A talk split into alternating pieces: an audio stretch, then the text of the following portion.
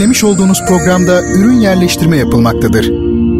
Bertan Rona ile Duyuşlar Müzik, sanat, edebiyat, dil, kültür ve hayat üzerine duymak istediğiniz her şey bu programda.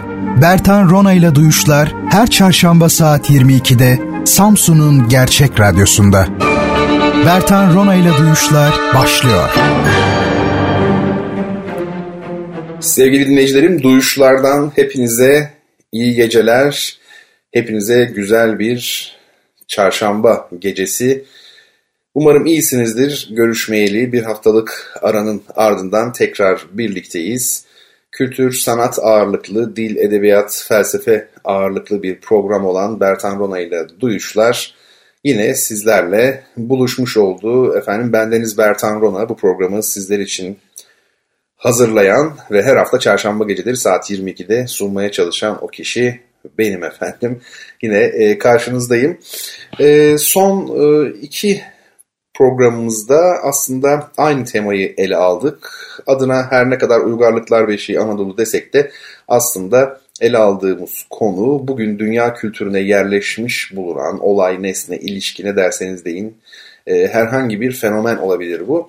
Bunlar arasında Anadolu orijinli olanlar hangileri bunu ele alıyoruz. Bu çok önemli. E, çünkü özellikle genç arkadaşlarımızın Anadolu olma bilincine e, varmaları e, son derece önemli. Çünkü biz e, ne doğuya ne batıya e, benzeyen bir medeniyetiz aslında. Benim çok eskilerden kalma bir bozuk para koleksiyonum var. Dünyanın pek çok ülkesinden yani 20-30 ülkeden işte efendim Finlandiya'dan ne bileyim Seylan'a kadar değişik ülkelerden. Orada bir şey dikkatimi çekti. Dün gece bir şöyle bir sayım yaptım tekrar. Çok uzun zamandır bakmıyordum çünkü. Yunan paralarının üzerinde mesela Hipokrat filan efendim gibi e, büyüklerin tabi e, şeyleri var, resimleri, kabartmaları var her neyse. Bizde ise hiç onlara dair bir sahiplenme yok. Halbuki e, hepsi Anadolu'lu. Yani işte efendim ne bileyim Aysopos'tan tutun Thales'e kadar hepsinin doğduğu topraklar şu an bizim ülkemizde. İşte bu bilinç eksikliği e, genç kuşaklarda olmasın e, istiyoruz ama tabii ki böyle bir ya da iki tane e, mütevazı radyo programıyla bu ideali gerçekleştirmek mümkün değil. Fakat belki e, birkaç kişiyi çok etkiler ve onlar da e, hayatlarının bundan sonraki kısmında e, gençlere bu konuda ilham kaynağı olurlar, bilgiler verirler. Efendim sosyal medyada Twitter ve Instagram'da Bertan Rona adresindeyiz. Elektronik posta hesabımız bertanrona.gmail.com ya da duyuşlar.gmail.com. Ee, onun dışında bu programın geçmiş bölümlerini podcast olarak dinlemek istiyorsanız SoundCloud'da bulabilirsiniz ya da Spotify'da bulabilirsiniz. SoundCloud'da hepsi var ama Spotify'da zannediyorum daha tamamlanmamakla birlikte o da o yolda yavaş yavaş tamamlanacak. Ee, Twitter'da Bertan Olaya Duyuşlar adlı bir hesabımız var ama onu program içinde kullanmıyoruz. Programda e, kitap hediyeli sorunun cevabını Bertan Rona Twitter hesabından yazıyorsunuz. Lütfen buna dikkat edin. E, başka mecralardan da pek çok yanıt geliyor. Ne yazık ki onları dikkate alamıyoruz. Doğrudan e, et Bertan Rona deyip yani bir çeşit etiketle mention şeklinde yazabilirsiniz bize doğru cevabı. İlk yazan dinleyicimize de kitabı göndereceğiz. Nedir bu kitap? Din ile Bilim. Ünlü İngiliz düşünür e, matematikçi diyelim Bertrand Russell'ın e, önemli e, bir eseri. Bunu hediye edeceğiz. Evet çok zaman kaybetmeyelim dilerseniz ve Uygarlıklar Beşi Anadolu dediğimiz dosyamızın üçüncü ve son bölümüne başlayalım. Sevgili dinleyenlerim, e, Romalılar Kartaca Savaşı için e, biliyorsunuz kahinlere başvurdular ve Pesinus'taki e, Kubel taşının getirilmesi gerektiğini öğrendiler. Yani kahinler dediler ki Romalılara Kartaca Savaşı'nın sonucunu öğrenmek için veya savaşı kazanmak için özür dilerim Pesinus'ta bulunan Kubel taşını getirmelisiniz. Kubel taşı bir diyapet aslında. Diyapet dediğimizde gök taşı. Gökten düşmüş bir taş çok eski çağlarda ve kutsanmış tabii ki. E, nedir Kubel dediğimiz şey? Tabii ki Hubbal yani Kibele.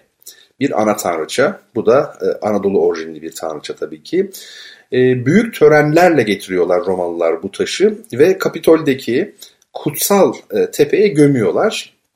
Ve buradan da Roma İmparatorluğu'nun sembolü olan o meşhur taç takmış kubel başı yani Matte Turitto. Matte anne demek biliyorsunuz. Yani bu aslında hep e, ana tanrıçanın, Kibele'nin türevleri oluyor.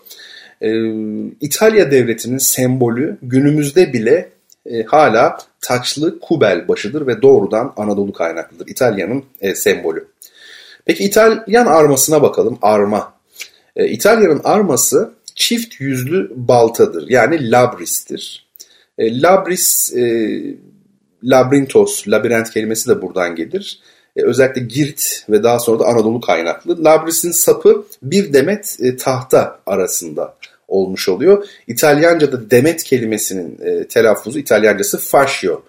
E, faşist kelimesi de buradan geliyor. Bir vesileyle aklınızda bulunsun.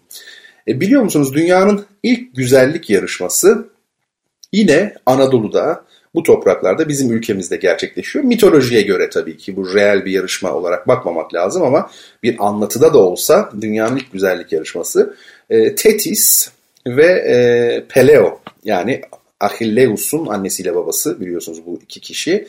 E, Tetis zaten tanrıça, e, Peleus, Peleo bir insan ama erkek yani tanrı değil. E, Tetis e, ile Peleo'nun e, düğünü e, gerçekleşiyor. Fesat tanrıçası bu düğüne davet edilmiyor. Şu şeye bakar mısınız? Yani hikayenin orijinaline bakın. Şimdi Achilleus'un Antik Yunan e, mitolojisinin Herakles'ten sonraki Süpermen'i yani en büyük Süpermen Herakles Romalıların Herkül dediği. E, ondan sonraki Süpermen kim? E, Achilleus. Bu tabii ki Aşil dediğimiz yani çok büyük bir kahraman, süper kahraman, çelişkilerle dolu aslında biri. Efendim onun annesiyle babası yani Tanrıça Tetis ile insan Peleus evlenecekler. Nasıl olduysa davetiyeler herhalde o an atlandı olur ya böyle düğün hazırlıklarında. Efendim fesatlık tanrıçası davet edilmiyor. O da düğüne e, düğün devam ederken bir yukarıdan elma atıyor. Elmanın üzerinde şöyle yazıyor. En güzele. Şimdi elma kimin? En güzel kimse o tabii bütün e, kadınlar sahipleniyorlar bu şeyi elmayı. Hayır benim, hayır benim çünkü ben daha güzelim, ben daha e, güzelim şeklinde. Burada e, bir e, Zeus müdahale ediyor ve e, Kaz Dağı'nda, o da ülkemizde biliyorsunuz, Kaz Dağı'nda bulunan Aleksandros'a, kim o? Paris yani Apollon'un, Apollon diyorum özür dilerim, e, Hektor'un erkek kardeşi bu meşhur e, Troya Savaşı'nın mitolojiye göre çıkma sebebi. Hani Helen'i, Truvalı Helen'i Spartalı Helenken kaçırıp Truvalı Helen yapan kişi. E, Paris'e e, havale ediyor meseleyi. Paris tabii çapkınlığıyla da biraz meşhur olduğu için en güzel kim acaba? Efendim bir tarafta Hera, Hera kim? Zaten Zeus'un eşi. Bir tarafta Athena, Athena da Zeus'un kızı. Bir tarafta da Afrodit yani Zeus, e, Venüs dedikleri Romalıların. O da efendim 12 tanrıçadan biri. E, üçü yarışıyorlar. Fakat hepsi bir şey vaat ediyor Paris'e. Diyor ki beni seç en güzel kadının e, ben olduğumu söyle. E, fakat e, Venüs öyle bir şey vaat ediyor ki kendisi de e, böyle dişilikle e, anılan bir tanrıç olduğu için özelliği kadınlık kadınsılık olduğu için diyor ki dünyanın en güzel kadınını sana vaat ediyorum diyor. E şimdi siz bir erkeksiniz ve güzellik kadınlık, güzel kadınlık diyelim tanrıçası olan Venüs yani Afrodit size dünyanın en güzel kadınını vaat ediyor. E, bu vaat karşılığında Paris'te elmayı kime veriyor? Elmayı Venüs'e veriyor, Afrodit'e veriyor daha doğrusu ve e, onu o en güzele denilmişti ya onun Afrodit olduğunu ilan etmiş oluyor. Daha sonra işte ama tabii o kadın kim? E, dünyanın en güzel kadını Helen, Truvalı Helen. Efendime söyleyeyim Menelaos'un karısı onu kaçırıyor.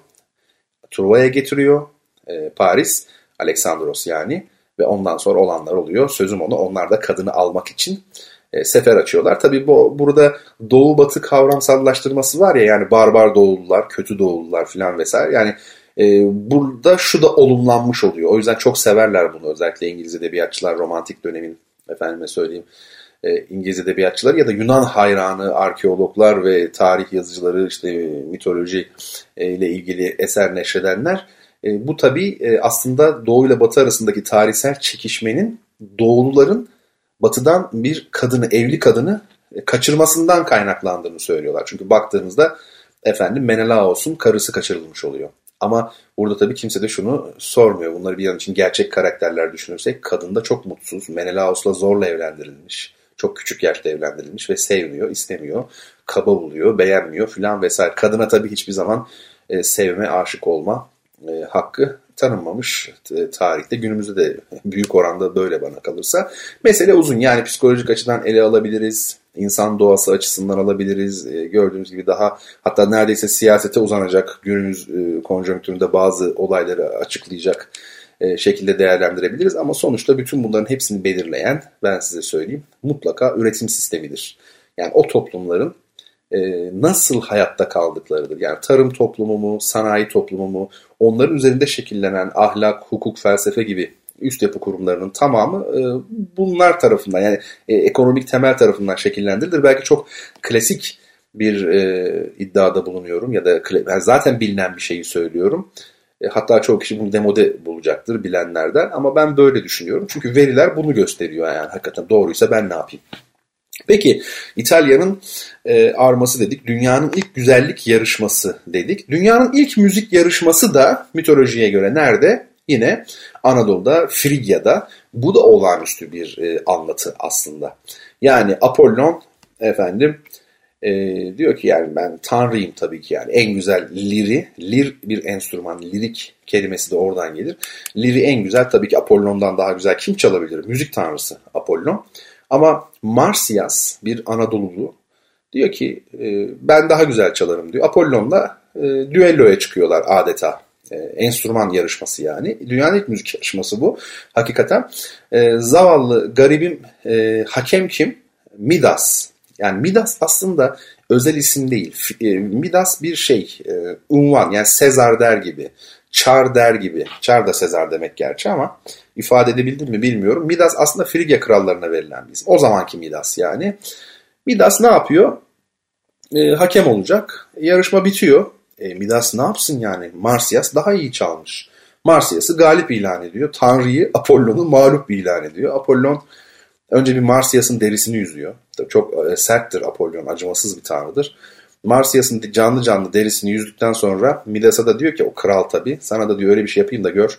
Onun da kulaklarını kocaman yapıyor eşek kulağı gibi hani sende müzik kulağı yok sen ne anlarsın müzikten değerlendiremedim falan e, esprisiyle. Efendim e tabi Midas kulakları oluyor eşek kulağı gibi. Ondan sonra hiç kimseyi görmek istemiyor. Huzurdan uzaklaştırıyor herkesi. Kral kimseyle görüşmüyor çünkü görsünler istemiyor. Bir de başlık şapka takıyor kulaklarının içine sokuyor rezil olmamak için. Ama kim biliyor? Bir tek kişi biliyor. O da berberi. Tabi berber onu tıraş etmek zorunda olduğu için. Ve berber ne diyor ki bak eğer bunu söylersen benim kulaklarım böyle eşek kulağı gibi olduğunu senin diyor işte ölümlerden ölüm beğen yani seni öldürürüm. İşkencelerle hem de tabi adam korkudan tabi söyler mi? Söylemiyor ama aradan zaman geçtikçe artık içinde tutamaz oluyor. Tabi masalın bu kısmında hikayenin e, sır nasıl bir şeydir? Sır tutmak yani insanoğlunun anlatma ihtiyacı nasıl bir şeydir? Bu da var. En son dayanamıyor gidiyor. E, sazlık bir alana açılıyor araziye. Orada bütün gücüyle bağırıyor yani rahatlamak için. Midas'ın kulakları, eşek kulakları diye işte meşhur e, hikaye bu. Bunun bir operası var. Ferit Tüzün Türk besteci. Ferit Tüzün çok zamansız kaybedilen, çok genç yaşta e, kaybedilen oysaki olağanüstü işler çıkarmış olan e, bir bestecimizdir Ferit Tüz'ün. E, onun bir operası var bu. Klasik bir opera gibi değildir. Biraz daha müzikli oyun gibi ama bu da Anadolu'dan kaynaklanan tamamen bize ait bir şey. E, bence e, harika yani o bakımdan. Anadolu'ya ait her şeye çok ilgi duyuyorum. Çünkü Anadolu öyle bir e, coğrafya ki her şeye damga vurmuş. Yani buradaki din anlayışı da başka ülkelerdeki mesela İslam anlayışına benzemiyor. Buradaki Hristiyanlık anlayışı da benzememiş zamanında. Efendim her şeyi farklı, kendine özgü. Mesela şöyle diyelim. Bu topraklarda bir özellik var. Çok özellik var da birini söyleyeyim. Mizah. Çok güçlüymüş ama her zaman çok güçlüymüş. Bakıyorsunuz Ezop'tan masallar. Bandırmalı Ezop yani Aysopos. Efendim ta o zaman da varmış mizah çok güçlüymüş. Daha sonra bakıyorsunuz Nasrettin Hoca. Bu defa İslam görünümünde biçimsel olarak baktığınızda ama yine mizah. E günümüzde bakıyorsunuz Cumhuriyet'ten bu yana hatta Osmanlı'dan bu yana mizah dergileri, bugünkü dergiler efendime söyleyeyim. Hakikaten e, mizah güçlü. Yani bu topraklarda yaşayan insanların özellikleri bunlar. Efendim şimşir bütün ilk çağ boyunca Anadolu'nun şimşir ağacı çok meşhur tabii. Hani kel başa şimşir tarak. Bakın bizde e, atasözlerine bile geçmiş. Bu şimşir çok önemli bir ağaç ve Anadolu'da ünlü. Bu o kadar ünlüymüş ki eskiden yani ünlüymüş kü dedim ya ünlüymüş kü e, ilk çağ boyunca Anadolu şimşirinden Mısır, Filistin, Suriye, efendim Helen bölgesi yani Helenistan, İtalya ve Kartaca'da bakın kutsal heykeller o dönemde büyük böyle figürinler şey küçük yapılıyormuş ya bugünkü biblo gibi küçük böyle tanrı tanrıça heykelleri. Efendim marangoz aletleri, düdükler, flütler, taraklar e, ve kadınların tuvaleti için, bakımı için yani çeşitli enstrümanlar, araçlar e, yapılmış. Anadolu Şimşir'den bütün o bölge bakın hepsi kullanıyormuş. Ve e, Virgilius, işte Catullus, Ovidius efendim onlar eserlerinde ki bunlar en büyük yazarlar, Latin yazarları Anadolu Frigya şimşirini yani özellikle de bu Afyon, Eskişehir yani Frigya'nın olduğu bölge bu şimşiri öve öve bitirememektedirler eserlerinde. İşte biz dediğim gibi kelbaşa şimşir tarak diye. E, şimşirden güzel tesbih de olur. Çok hafiftir. Küçük mesela yakışır. Farklı renklerde de olabilir. E, sevgili dostlar ilk para. Bakın çok önemli şeyler söylüyorum. Dünyada ilk para. Bugün parasız bir toplum var mı? Yani tamam şu an içinde yaşadığımız sistem kapitalizm mesela ondan evvel ne vardı? Feodalite vardı. Ondan evvel köleci toplum vardı. Var oğlu var. Ama parasız hiç olunmamış yani. E, icadından evvel var tabii parasız dönem de. E, çok temel değil mi? Yani hayatımızda hep var olan bir şey ama işte ilk nerede icat edilmiş? Para ilk nerede kullanılmış? Bizim ülkemizde, Anadolu'da, Türkiye topraklarında bugünkü. E, milattan önce 800 civarında Anadolu'da Lidya'da e, ilk bu şeylerin metal paraların basıldığı tahmin ediliyor. E, son Lidya kralı Kroisos yakın doğudaki adı ne biliyor musunuz Kroisos'un? Karun. Hani var ya işte efendim e, Harun Harun'la Karun yani Harun tabii ki peygamber o paradan uzak bir hayat sürüyor. Karun da çok zengin özellikle böyle bir karşılaştırma olarak kullanılıyor ya. Şimdi o Karun denilen e, aslında Lidya kralı Kroisos. Bunun e, Orta Doğu'da bugünkü Orta Doğu topraklarındaki ismi o medeniyetler Karun demişler. E, e, aslında e, Sart Nehri'nde Sart Nehri var ya bugünkü işte efendime söyleyeyim e, yine hala burada var olan nehir. Antik çağda Sart e, bu nehirde altın varmış eskiden. Dolayısıyla işte Midas her tuttuğu altın oluyormuş Midas'ın. Öyle de bir efsane var ya Midas dünyanın en zengin adamı her tuttuğu altın. İşte bunların e, altında yatan şey e, tarihsel olarak Sart nehrinde altın olması. E, yani ama şu kesin ilk para Anadolu'da Lidya'da basıldı. Şimdi sevgili dinleyenlerim Atinalılar gemi yapımını bugün mesela biliyor musunuz Yunanistan'ın e, ticaret filosu pek çok ülkenin donanmasından bile daha e, geniştir. Yani Yunanlılar denizci millettir öyle değil mi? Her tarafta Yunan bayraklı efendim e, bandıralı işte efendim gemiler şu bu. İşte e, Aristoteles Onassis var ya meşhur işte efendim, İzmir doğumludur o da ilginç. E, Maria Callas'ın da sevgilisi olmuş sonradan ayrılıyor işte efendim Kennedy ile evleniyor değil mi?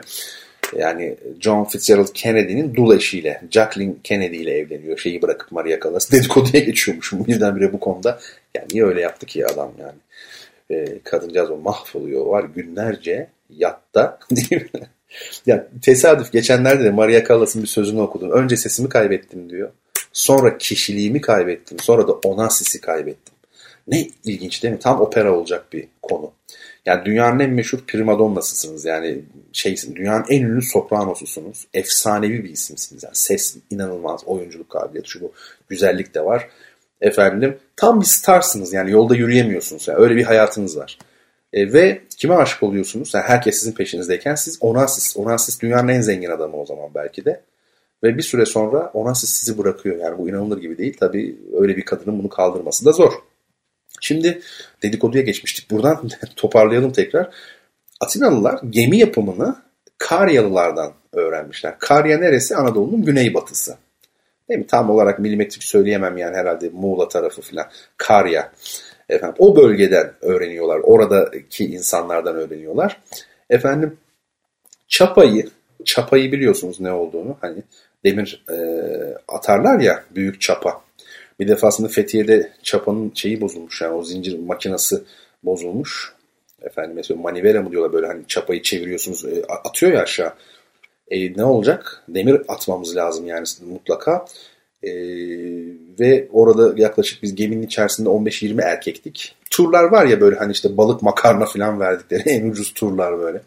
Öyle bir tur. 15-20 erkek hep beraber o çapı artık bir ton mu 300 kilo mu 500 kilo mu bilmiyorum. Çok büyük bir çapaydı. Zar zor denize atmayı başarmıştık yerinden kaldırıp. Bu çapa niye anlatıyorum bunu? Bir de yelkenle ilgili pek çok şeyi icat edenler dünyada Foçalılar. Esas Foçalılar biliyorsunuz yani Fransa'ya gidip nereyi kuruyorlar? Marsilya ve Nice. Bugün Fransa'nın en önemli şehirleri arasında oraları Foçalılar kuruyor. Foça'dan gidenler. Bugünkü Foçalılar değil. Onları da çok severiz yanlış anlaşılmasın. Ee, gemilerin başına konan heykeller vardır ya böyle. Gemilerin ön tarafında böyle sivri heykel gibi durur. Onlara Priap denir. Onlar Priapus'tan e, geliyor. Priapus dediğimiz e, büyük e, fallus e, aslında yani erkek cinsel organı antik Yunan'da çünkü daha doğrusu antik çağda ve arkaik dönemlerde üreme ile ilgili yani çocuk çok değerli olduğu için neslin devamı korunma çok değerli olduğu için çocukla ilgili her şey üreme ile ilgili her şey kutsaldı. İşte efendim kadınlar çok göbekli e, efendim neden? Çünkü doğurganlığı ifade ediyor. Geniş kalçalı çünkü doğurganlık işte efendim. Erkek cinsel organı çünkü işte doğurganlık yine.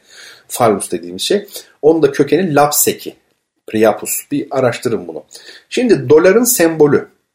Herakles sütunları var. Nerede bu Herakles sütunları? Yine efsaneye göre Herakles'in gittiği yerler yani antik dünyanın son noktası. Akdeniz'in batıdaki sonu. Ne demek bu? İşte Cebeli Tarık Boğazı. Yani Fas'la İspanya'nın değil mi birleştiği e, nokta Cebeli Tarık Boğazı. Oradan Atlas Okyanusu'na açılıyorsunuz ki antik çağda o taraf bilinmiyor. En azından yazılı belgelerde yok öyle bir şey. Şimdi e, ilginçtir. Mesela şeyde İlyada'da galiba Zeus'u ziyarete gidiyor. Şeyin e, hemen söyleyeyim size. Tetis hani düğünlerinden bahsettik ya az önce Tetis'le efendim Peleus'un düğünü işte fesat tanrıçası çağrılmadığı o da işte en güzeli diye bir elma attı falan dedik ya. Şimdi Tetis e, Zeus'tan bir şey rica etmeye gidiyor. Kendi evladı ile ilgili yani Achilleus ile ilgili. Orada Zeus yani Tetis bir gidiyor Zeus şeyde yüzü yanıklara gitmişti diye çevirmişler. Çok güzel değil mi? Azra Erhat e, A. Kadir çevirisi vardır. E, Türk Dil Kurumu ödülü almış bir çeviri. Yüzü yanıklar. Ne demek yüzü yanıklar? Habeşistan tarafı. Yani o dönemde de Akdeniz havzasında Sahra çölünün altında simsiyah es, e, zenci vatandaşların, insanların yaşadığı biliniyor. Yüzü yanıklara diyor, şölene gitmişti diyor. Yani Zeus, e, efendime söyleyeyim, ho, şey bir erkek gibi yani akşamları çıkan bir erkek gibi şey çok uzak bir bölgeye efendim gitmiş. Çok hoştur okuyun mutlaka. Yani tanrı ve tanrıçaların hareketleri insanlara benzer. Platon zaten kızıyor Homeros'a ve diğerlerine belki de Hesiodos'a da ne diyor? İnsanlarda ne kadar kötü özellik varsa hepsini tanrılara yüklediniz diyor. Efendim e, onu söyleyelim. Şimdi e, Anadolu kentler ki bu kentlerin Anadolu'daki kentlerin Avrupa'da sömürgeleri vardı. O ikiz kayalıkları Cebeli Tarık'ta işte ikiz kayalıklar var sağlı sollu e, öyle düşünelim. Bunları S şeklinde çelenklerle süslediler. Yani iki tane sütun düşünün. Yani üzerine S çizin. Ve kendi paralarına da e, Anadolu kentler bunlar. Bu sembolü bastılar ilk olarak. Yani eski sikkelerde ev eski Anadolu paralarında bir iki, ya iki çizgi düşünün. O Cebeli Tarık Boğazı ve bir tane de S. İşte doların bugünkü sembolü o da bu topraklardan. Efendim şimdi çok şey söylenebilir ama e, gelin bir müzik arası verelim. E, ardından biraz daha derinleşerek e, konumuza devam edelim.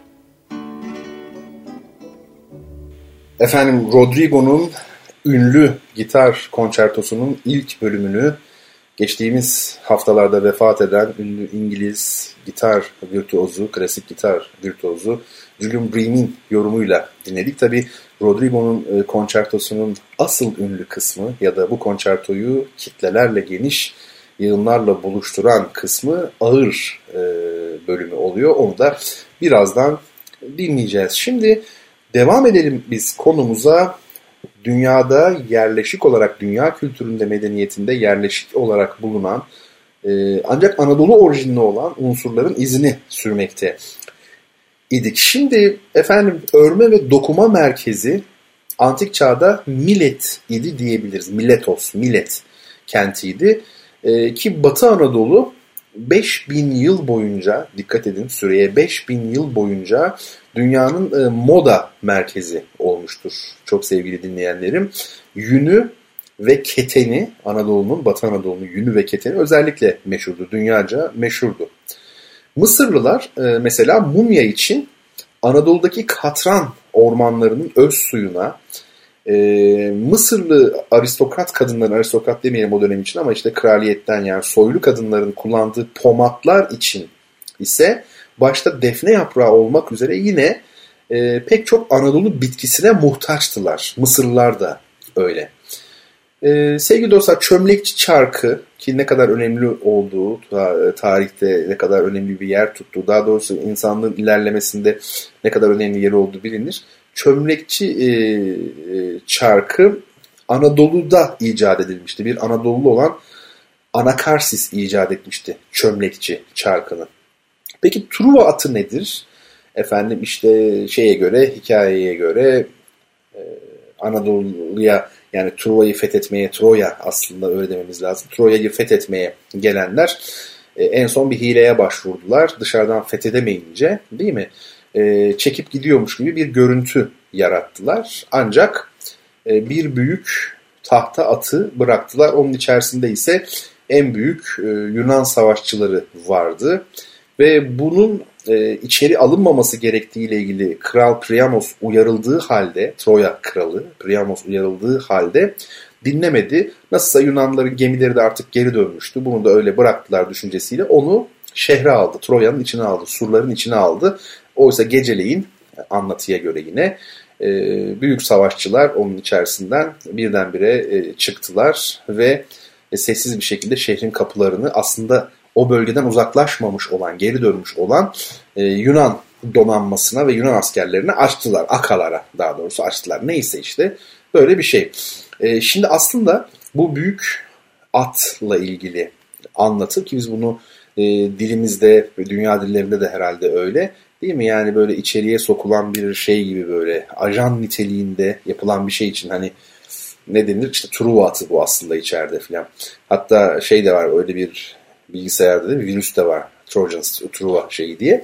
Şimdi bu aslında Hititlerin bir Anadolu imparatorluğu olan Hititlerin kaleleri zapt etmek için icat ettikleri koç başlarından biridir aslında.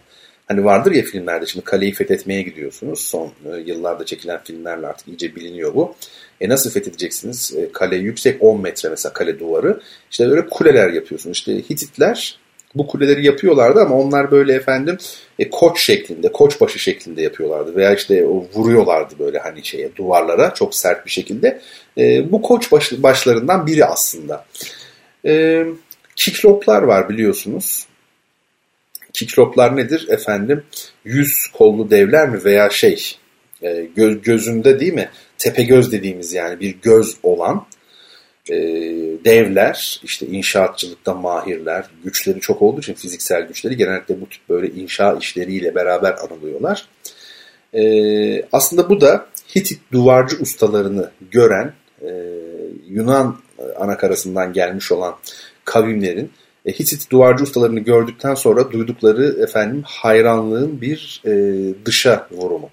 Çünkü perspektifli resim olmadığı için o dönemde efendime söyleyeyim e, göz nereye çiziliyordu mesela Mısır resimlerinde de vardır ya adam mesela yan duruyor ama göz yine sanki düzmüş gibi falan var ya öyle şeyler. İşte o kiklop dediğimiz yani tepesinde bir göz olan efendim bir dev bir yaratık e, imajinasyonunun altında yatan şey de tam olarak bu onu söyleyebiliriz. Mod isimleri. Mod ne demek? Makama benzeyen. Makamla birebir aynı şey değil ama hani müzikteki makamlar var ya. Bunlara e, Batı müziğinde, kilise müziğinde hatta daha öncesinde mod demişler.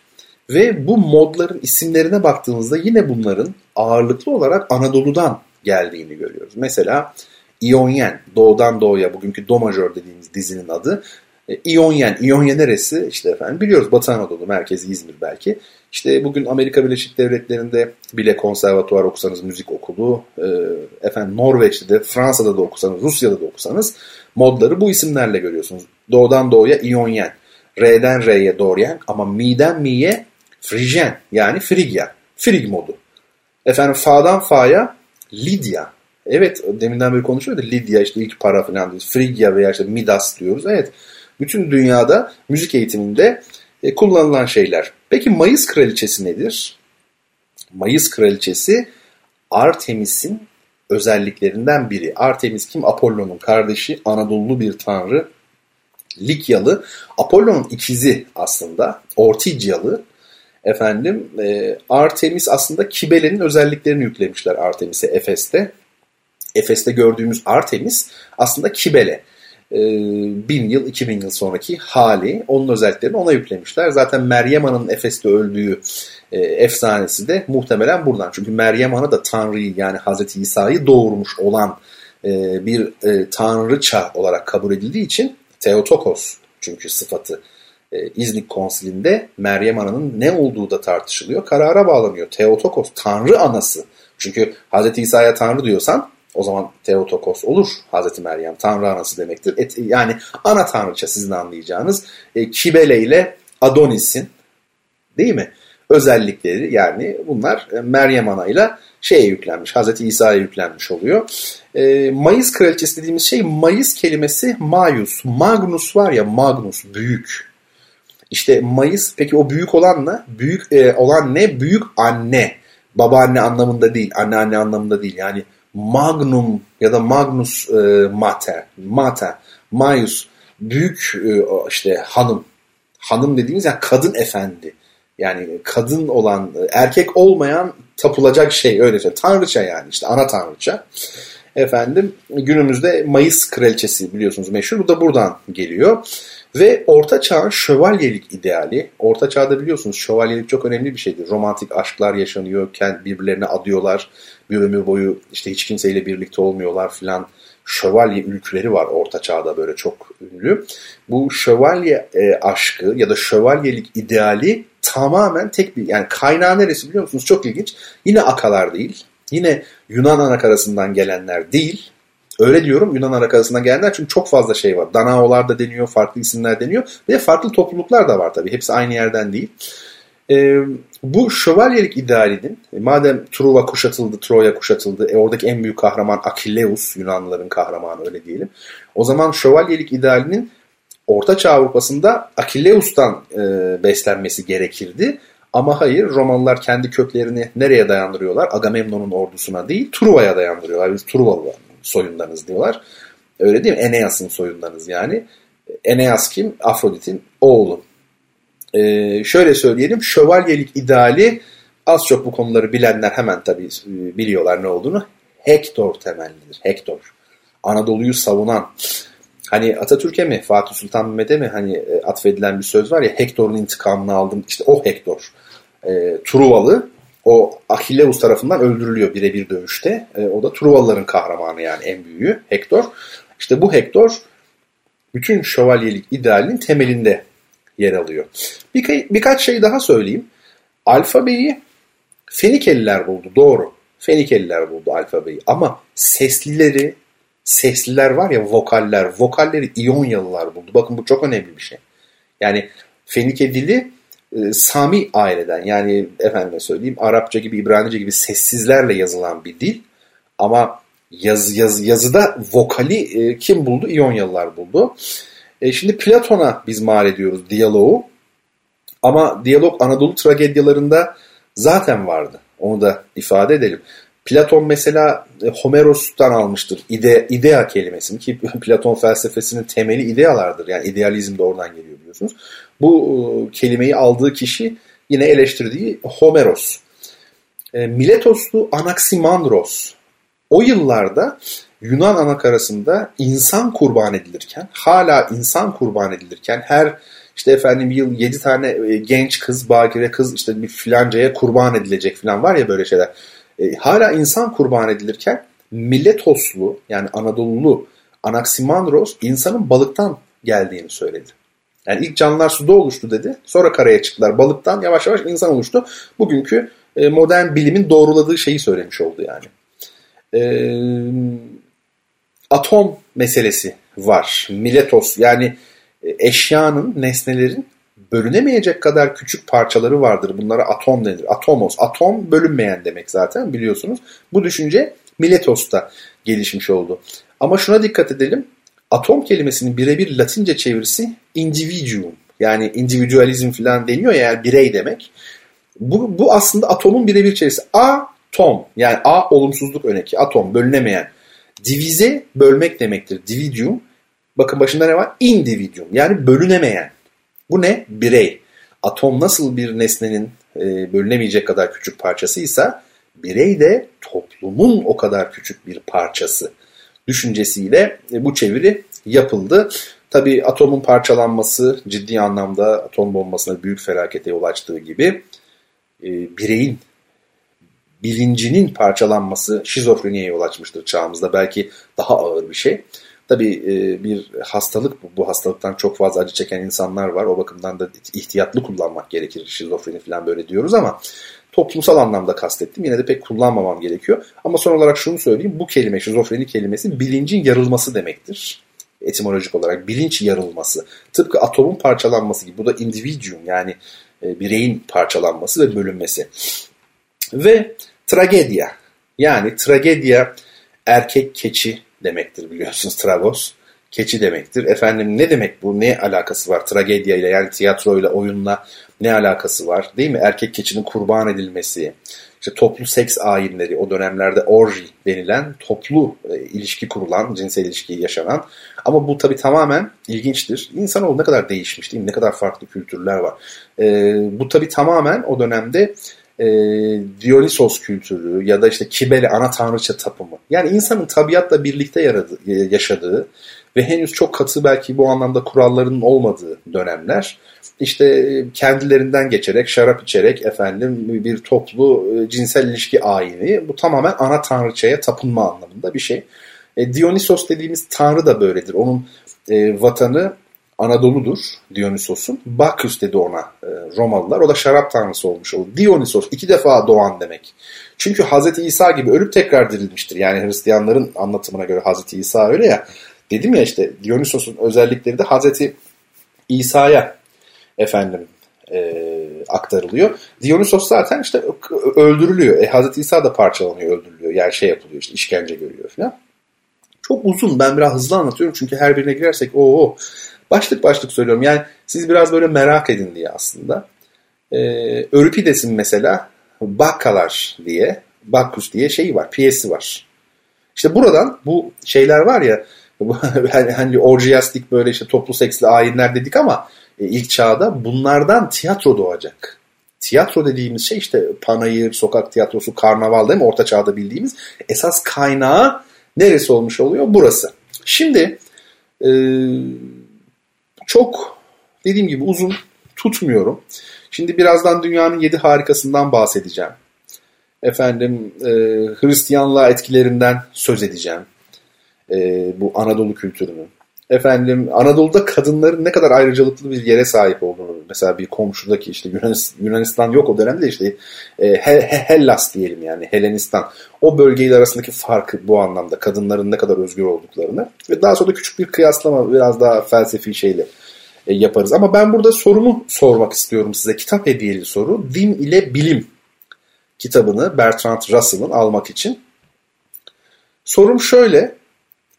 E, silika ve demiroksit elementlerinin bir daha söylüyorum. Silika ve demiroksit elementlerinin bileşiminden meydana gelen doğal halinde de parlak bir yapıda bulunan sertlik skalasındaki yeri 6,5-7 olan ve asimetrik desenleriyle, sıcak renkleriyle bir süs taşı olarak kullanılan taşın adı nedir? Süs taşı. Silika ile demir oksit elementlerin bileşiminden oluşuyormuş. Renkleri tabiattaki haliyle bile yani işlenmeden bile çok parlak. İşte kahverengi tonları var, sarı tonları, yeşil tonları da vardır. 6,5-7 skaladaki yeri ve asimetrik desenleri vardır. Çok hoş sıcak tonları vardır. Süs taşı olarak kullanılıyor. Tesbihte kullanılıyor. Küpe yaparsınız. Her şey kolye olur. Efendim bu taşın adını soruyorum.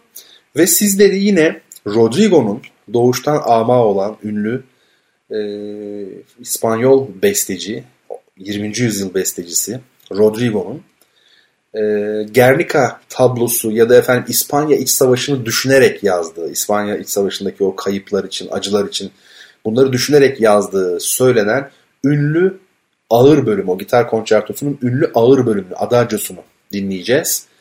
E, birlikte geçen haftalarda kaybettiğimiz İngiliz gitar virtuozu e, Julian Bream seslendirecek. Arkasından da programımızı toparlayacağız. Son bölümde ama yine önemli şeyler söyleyeceğim size.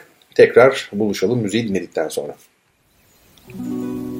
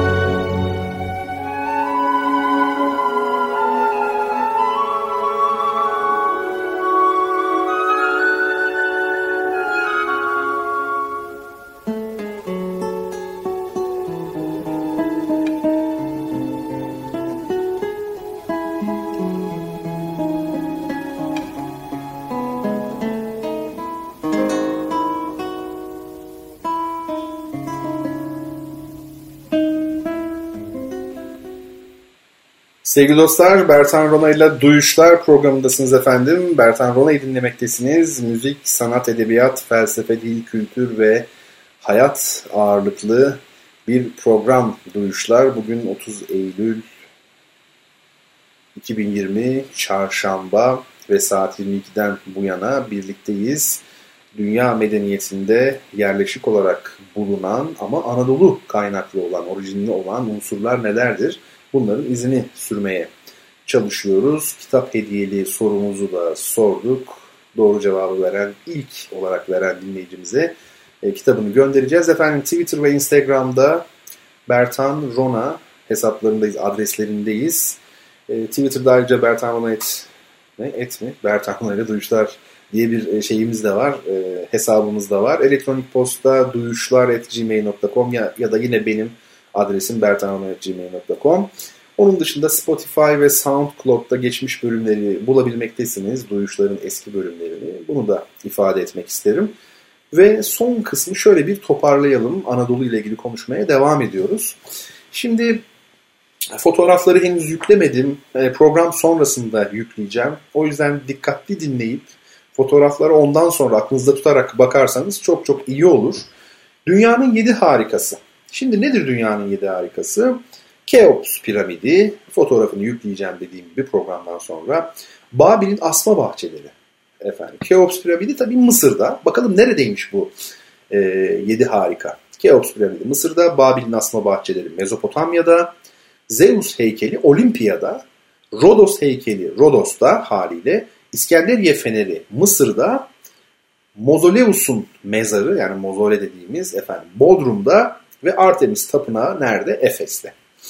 Şimdi e, dünyanın yedi harikasının e, bu anlamda bir dağılımına bakalım. Acaba dağılımı nasıl dünyanın yedi harikasının değil mi? Yani bu kadar ünlü, bilinen bir şey, dizi, yedi harika. Acaba efendim nerede bunlar? Şimdi e, şöyle bir haritaya bak baktığımız zaman, bu haritayı da yükleyeceğim sizin için.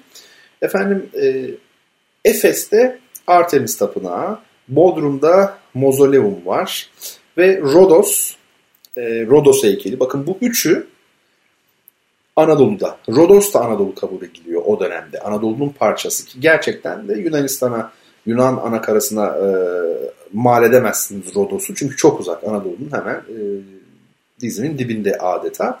Yani üç tanesi Anadolu'da. Mısır'da iki tanesi var. Biri işte efendim İskenderiye Feneri, bir tanesi de piramitler. Üç Anadolu'da, iki Mısır'da kaç etti? Beş. Bir tane Babil'in asma bahçeleri, Babilon dediğimiz işte Mezopotamya'da, Babil'de.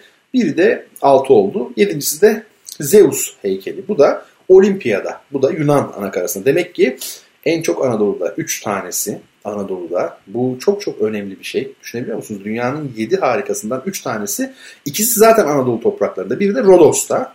E, Rodos'un uzaklığına bakın bakalım. Anadolu'ya ne kadar uzaklıkta, Yunanistan'a ne kadar uzaklıkta. Görün yani aradaki farkı. Şimdi e, Hristiyanlığa tabii çok büyük etkisi var Anadolu'nun, Anadolu kültürünün. E, şimdi Efes bu işin merkezlerinden biri. Hacı oluyor biliyorsunuz Hristiyanlar Efes'e geldiklerinde hacca geliyorlar. Burada işte efendim inanışa göre Hazreti İsa'nın ölümünden sonra efendim tekrar dirilmesinden sonra veya Hristiyan ilahiyatına göre Yuhanna e, Havari Aziz Yuhanna Hazreti Meryem'i de yanına alarak ta Efes'e kadar gidiyor. Zaten İncil'ini de orada yazıyor kendi İncil'i. Yuhanna İncil'i var biliyorsunuz. İncil yazarı Havari Aziz. E, ta şeye kadar gidiyor. Efes'e kadar gidiyor ve orada ölüyor. Meryem Ana da orada ölüyor filan. Böyle biliniyor. İşte bu Tanrı annesi olma, Tanrı anası Theotokos bunu e, konuşmuştuk. Hekateus ne diyor biliyor musunuz? Antik çağ yazarlarından biridir. Hekateus diyor ki Tanrı'dan çocuk yapma geleneği aslında gayrimeşru ilişkileri örtme çabasıydı diyor. Çok ilginç değil mi? Yani işte efendim e, bir erkekle birleşmeden hamile kalma e, anlatısı vardır ya e, dinlerde. Bunun aslında gayrimeşru ilişkileri efendime söyleyeyim gizlemek amacıyla da kullanıldığını söylüyor Hekateus. Çok ilginçtir. Şeyde Roma kaynaklarında Hazreti İsa olarak bildiğimiz Yeshua'nın aslında tabii ismi Yeshua onun Meryem'le Hazreti Meryem'le işte efendim Meryem olarak bilinen kadınla tabii bu e, inanç meselesi. Bu ayrı o konulara giriyor değiliz biz kesinlikle. Roma kaynaklarını söylüyoruz. Orada Meryem'le Panter isimli Romalı bir subayın gayrimeşru çocuğu olduğuna dair kayıt var. Bakın çok enteresan. Efendim ya da Tanrı'dan çocuk yapma geleneği. Burada Hekateus yazıyor. Tabi bunlar dinin dışından bakarak konuştuğumuz şeyler. Dinin içinden baktığımızda böyle değil şüphesiz. Efendim Paulus, Hristiyanlığı Hristiyanlık yapan kişidir. Paulus. Nereli? Tarsus. Yani Paulus olmasaydı Hristiyanlık olmazdı. Neden? Çünkü e, Hz. İsa'dan sonra en çok tartışılan konulardan biri o yedi kilise var ya yedi cemaat. Orada en çok tartışılan konulardan biri sünnetsizler de bu dine alınacak mı? Çünkü biliyorsunuz Hristiyan toplumu aslında Yahudi toplumunun içinden çıkıyor. E, e şimdi Yahudilik de milli karakterde bir din. En azından o dönem için öyle. Çok kuvvetli bir şekilde. Yani sünnetli demek burada Yahudi demek. Öyle eş anlamlı kullanılmış. Dolayısıyla şunu tartışıyorlar. Yahudi olmayanlar da Hristiyan olabilecek mi? Bu bizim milletten olmayanlar yani. Bunun üzerine Paulus tabiri caizse içtihat ediyor. Yani ama öyle bir içtihat ki çok iddialı, çok büyük bir karar. Evet diyor. Bu yeni din uluslararası niteliktedir. Yani bunu bugünkü modern terimlerle söylemiyor tabii ama sünnetsizler de bu dine bizim dinimize girebilirler diyor. Dolayısıyla Hristiyanlığı ulusal bir din olmaktan çıkaran, onu kuran, uluslararası alanda açan nedir? e, Paulus'tur ki onlar zaten çok dikkat ederler buna. Mesela gidin e, şeyde e, ne onun adı Vatikan'da bile başka yerlerde bile hep böyle zenci vatandaşlar görürsünüz cemaatte değil mi farklı milletlerden. Onlar da uluslararası nitelikte yani tıpkı Müslümanlar gibi. Öyle söyleyelim. İşte Paulus bu kadar önemli biri. Paulus Tarsuslu. Bugün bizim bildiğimiz Tarsus. Ee, Noel Baba nereli? Dermeli, Antalyalı. Ee, efendime söyleyeyim. Demek ki bu kadar önemli özellikle Paulus da Noel Baba ile kıyaslanamayacak kadar yani Nikolas'la kıyaslanamayacak büyüklükte bir isim. Ee, Anadolu'lu. İlk yedi kilise, Hristiyanlığın ilk yedi kilisesi. Kilise derken bunları bina olarak düşünmeyin. Kilise cemaat demektir. Cami de bakın cemaatle akraba bir kelime. Yani o da cemaat toplayan demek. E, havra da öyle demek. Sinagogla havra da o anlama geliyor. Yani insanların topluluğu. O, o binaya da o adı vermişler. Esas insan cemaati, insan topluluğu demek. İlk yedi kilise cemaatler nerede oluşmuş bakalım. Efes, İzmir, Denizli, Sarp, Bergama, Alaşehir, Sivrihisar. Dünyanın ilk yedi kilisesi. İnanılmaz. Pasakalya yumurtası mesela biliyorsunuz meşhurdur. Apollon nereliydi? İkiz kardeşi Artemis'le birlikte kız erkek bunlar ikiz kardeşler. Ortigyalı. Ortigya, o, orti şey demek, bıldırcın demek. O bölgede eskiden beri bıldırcın yumurtası e, geleneği var. Onu yeme. Şimdi bu ne biliyor musunuz? Tanrı'yı parçalama, Tanrı'yı öldürme ve yeme. Dionysos'u parçaladık, öldürdük, yedik. İşte Hz. İsa'yı aslında bir anlamda baktığınızda işkenceyle değil mi? Çarmıhta parçalamış, öldürmüş oluyorsunuz. Efendim işte e, Apollon ve Artemis'te de o gördüğümüz bıldırcın yumurtası meselesi aslında Tanrı'yı yeme geleneğiyle ilgili. Bir de tabii mesela işte düşmanınızı şey yaptığınız zaman, yediğiniz zaman onun bir tarafını herhangi bir yerini işte onun gücünün size geçtiği gibi animist inançlar var ya böyle eski e, veya buna benzer ne animist mi oluyor ne oluyorsa işte mesela onlar da var. Teofaji diye bir şey var. Duydun mu? Öyle Hristiyan tarikatları var. Teofaj yani Tanrı'yı yiyen. Yani onlar ne diyor Hazreti İsa? Alın bu işte şarabı için benim kanımdır. Alın bu ekmeği yiyin bu benim etimdir. Ee, onlar gerçekten hani komünyon dediğimiz ayin paylaştırıyorlar ya.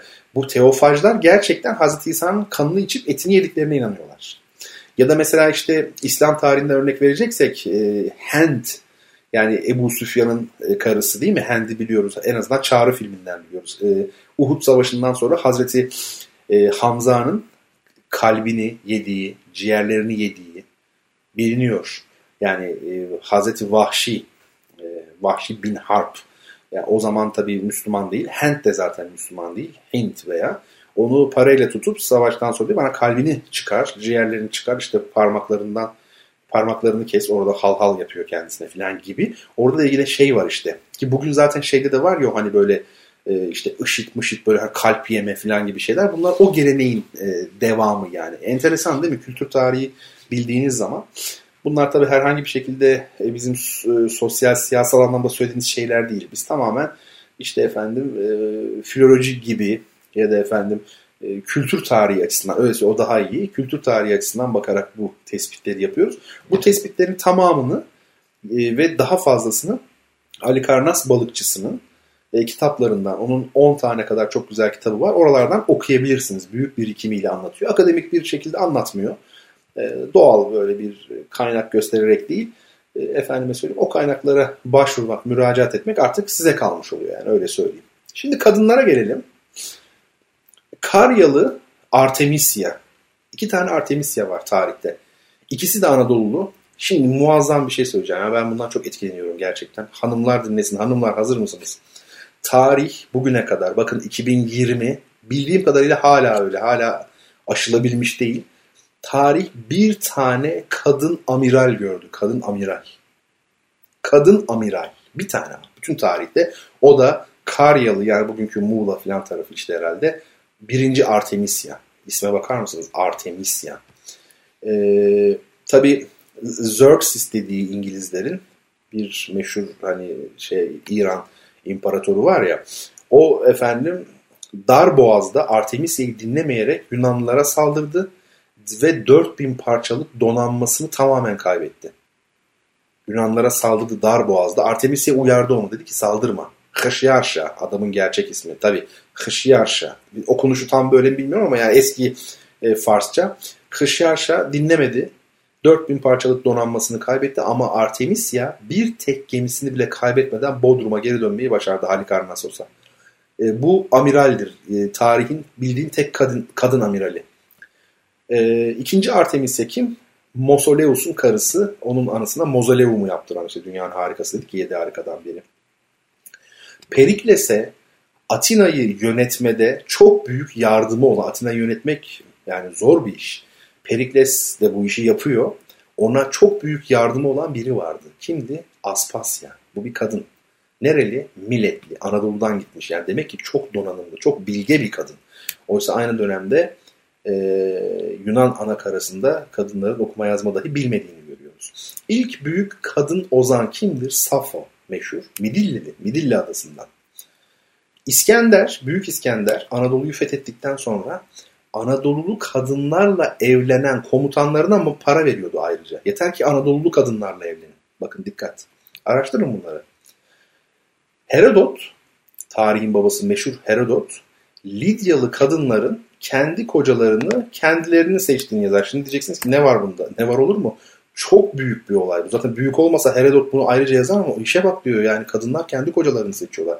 Bugün bile e, köylük yerlerde çoğu kere ne yazık ki kadınların fikri alınmıyor.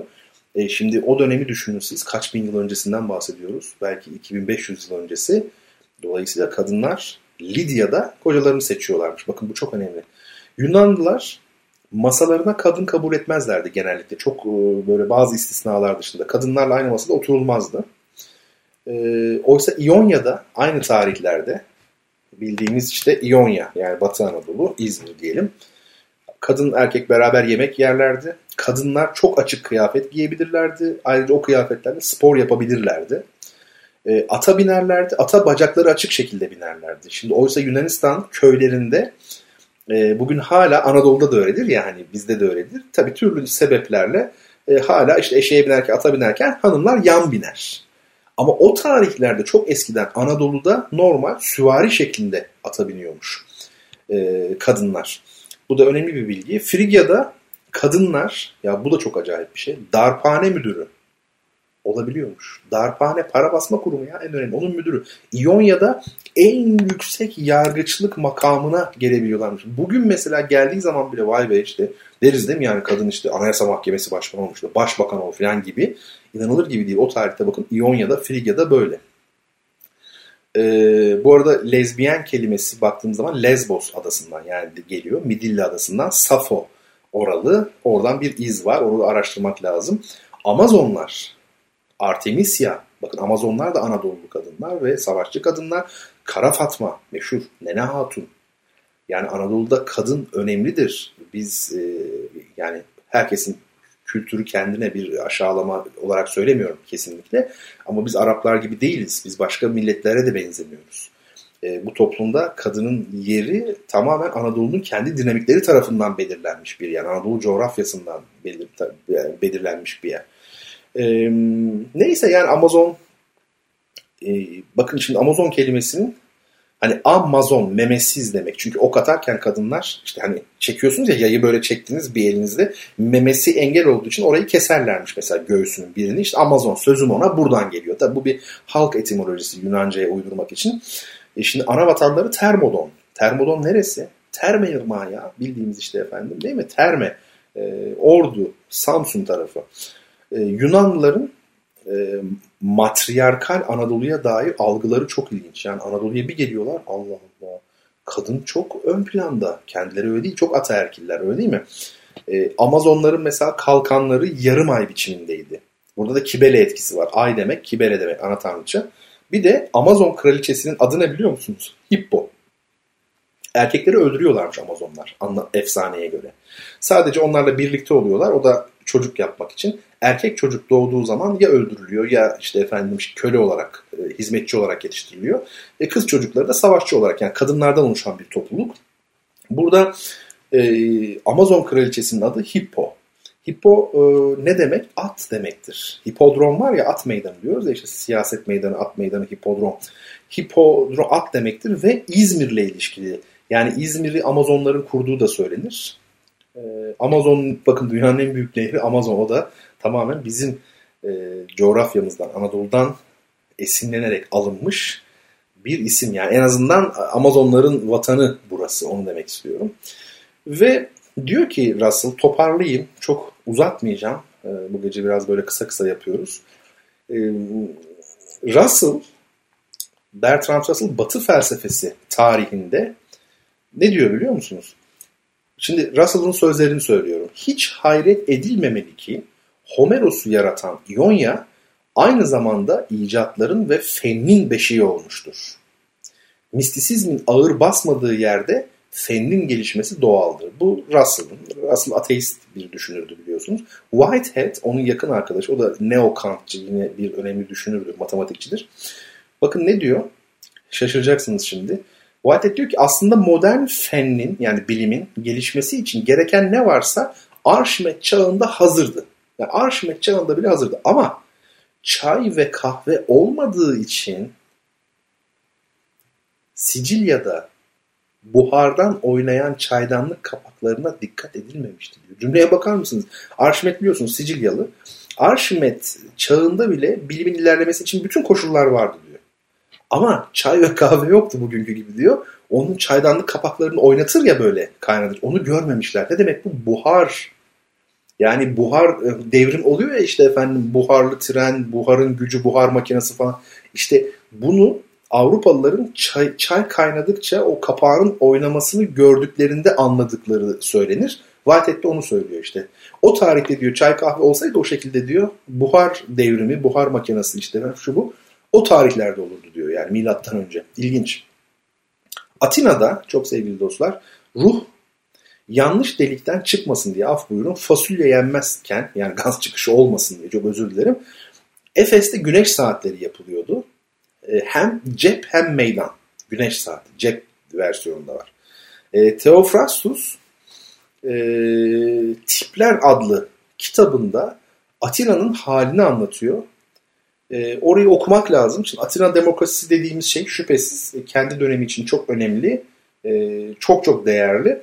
Ancak bugünkü gibi bir şey zannetmeyin ki bugünkü demokrasi de zaten çok kırık dökük bir şey uygulanıyor uygulanmıyor ayrı ama Antik Yunan'a şöyle bir baktığımızda e, neyle karşılaşıyoruz? 400 bin nüfuslu bir şehir. O dönemde en parlak zamanı.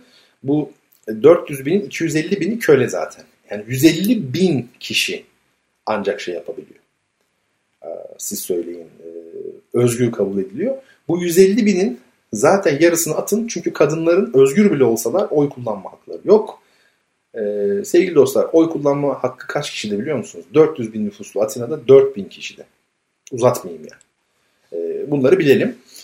Atina'da her yıl Targelia Festivali'nde iki kişi dövüle dövüle öldürülüyordu. Yani linç edilerek öldürülüyordu. Bunlara farmakos denirdi. Ee, yani bir çeşit kurban bunlar. Düğün gecesi hani vardır ya böyle Anadolu'da hala işte efendim gerdeğe girecek de damadın sırtının yumruklanması meselesi. İşte bu farmakos geleneğinin uzantısı olduğunu söyleyen araştırmacılar var. Ee, Anaxagoras, ay ve güneş tanrı değildir dedi. E, güneşe tapılıyor o tarihte Apollon güneş tanrısı. Ay belki Selene bilmiyorum hangi tanrıçaysa ay tabii dişil oluyor daha çok öyle kabul edilmiş. İşte ay ve güneşin tanrı olmadığını söyledi. Bunlar maddedir dedi. Bunlar kütledir dedi. Ve bunun için ne ceza aldı biliyor musunuz? Atina'da idama mahkum edildi. Çünkü tanrıya sövmüş oluyor. Büyük bir küfür. Yani sen güneşin tanrı olmadığını nasıl söylersin? Bir maddedir dersin. O bizim tanrımız diyor adamlar. Bakın aynı dönemde İonya'nın ne kadar yüksek bir seviyede olduğunu e, düşünün. Atinalılar ayakkabı giyerken, pardon şöyle diyelim ya da, e, Atinalılar e, Lidyalılara tabanları yumuşak diyordu biliyor musun? Dalga geçiyorlar. Tabanları yumuşak ne demek? Efendime söyleyeyim. E, çünkü Lidyalılar ayakkabı giyiyordu. Tabanı yumuşak ya bunların diyor. Dalga geçiyorlar. Çünkü kendileri hiçbir zaman ayakkabı görmemiş.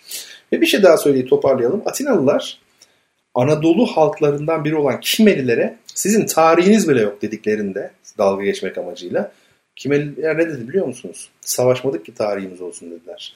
Yani medeniyete bakar mısınız? Yani savaşmadık ki tarihimiz olsun. Hiç ihtiyacımız yok bizim tarihe. Yani. İlginç. Evet. Çok sevgili dinleyenlerim e, Anadolu üzerine konuştuk. 3 haftada. 3 haftada değil. E, program yapamadığımız bir hafta oldu. 4 hafta olmuş oluyor ama toplam 3 programdır.